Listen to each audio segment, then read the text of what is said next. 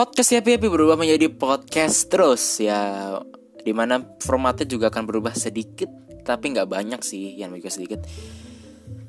Intinya kalian harus tetap dengerin podcast terus di Spotify. Jangan sampai kelewatan karena program-program di dalam podcast ini akan lebih menarik lagi dikemasnya lebih lebih lebih baik lagi daripada kemarin di podcast ya, Happy so stay tune di podcast terus.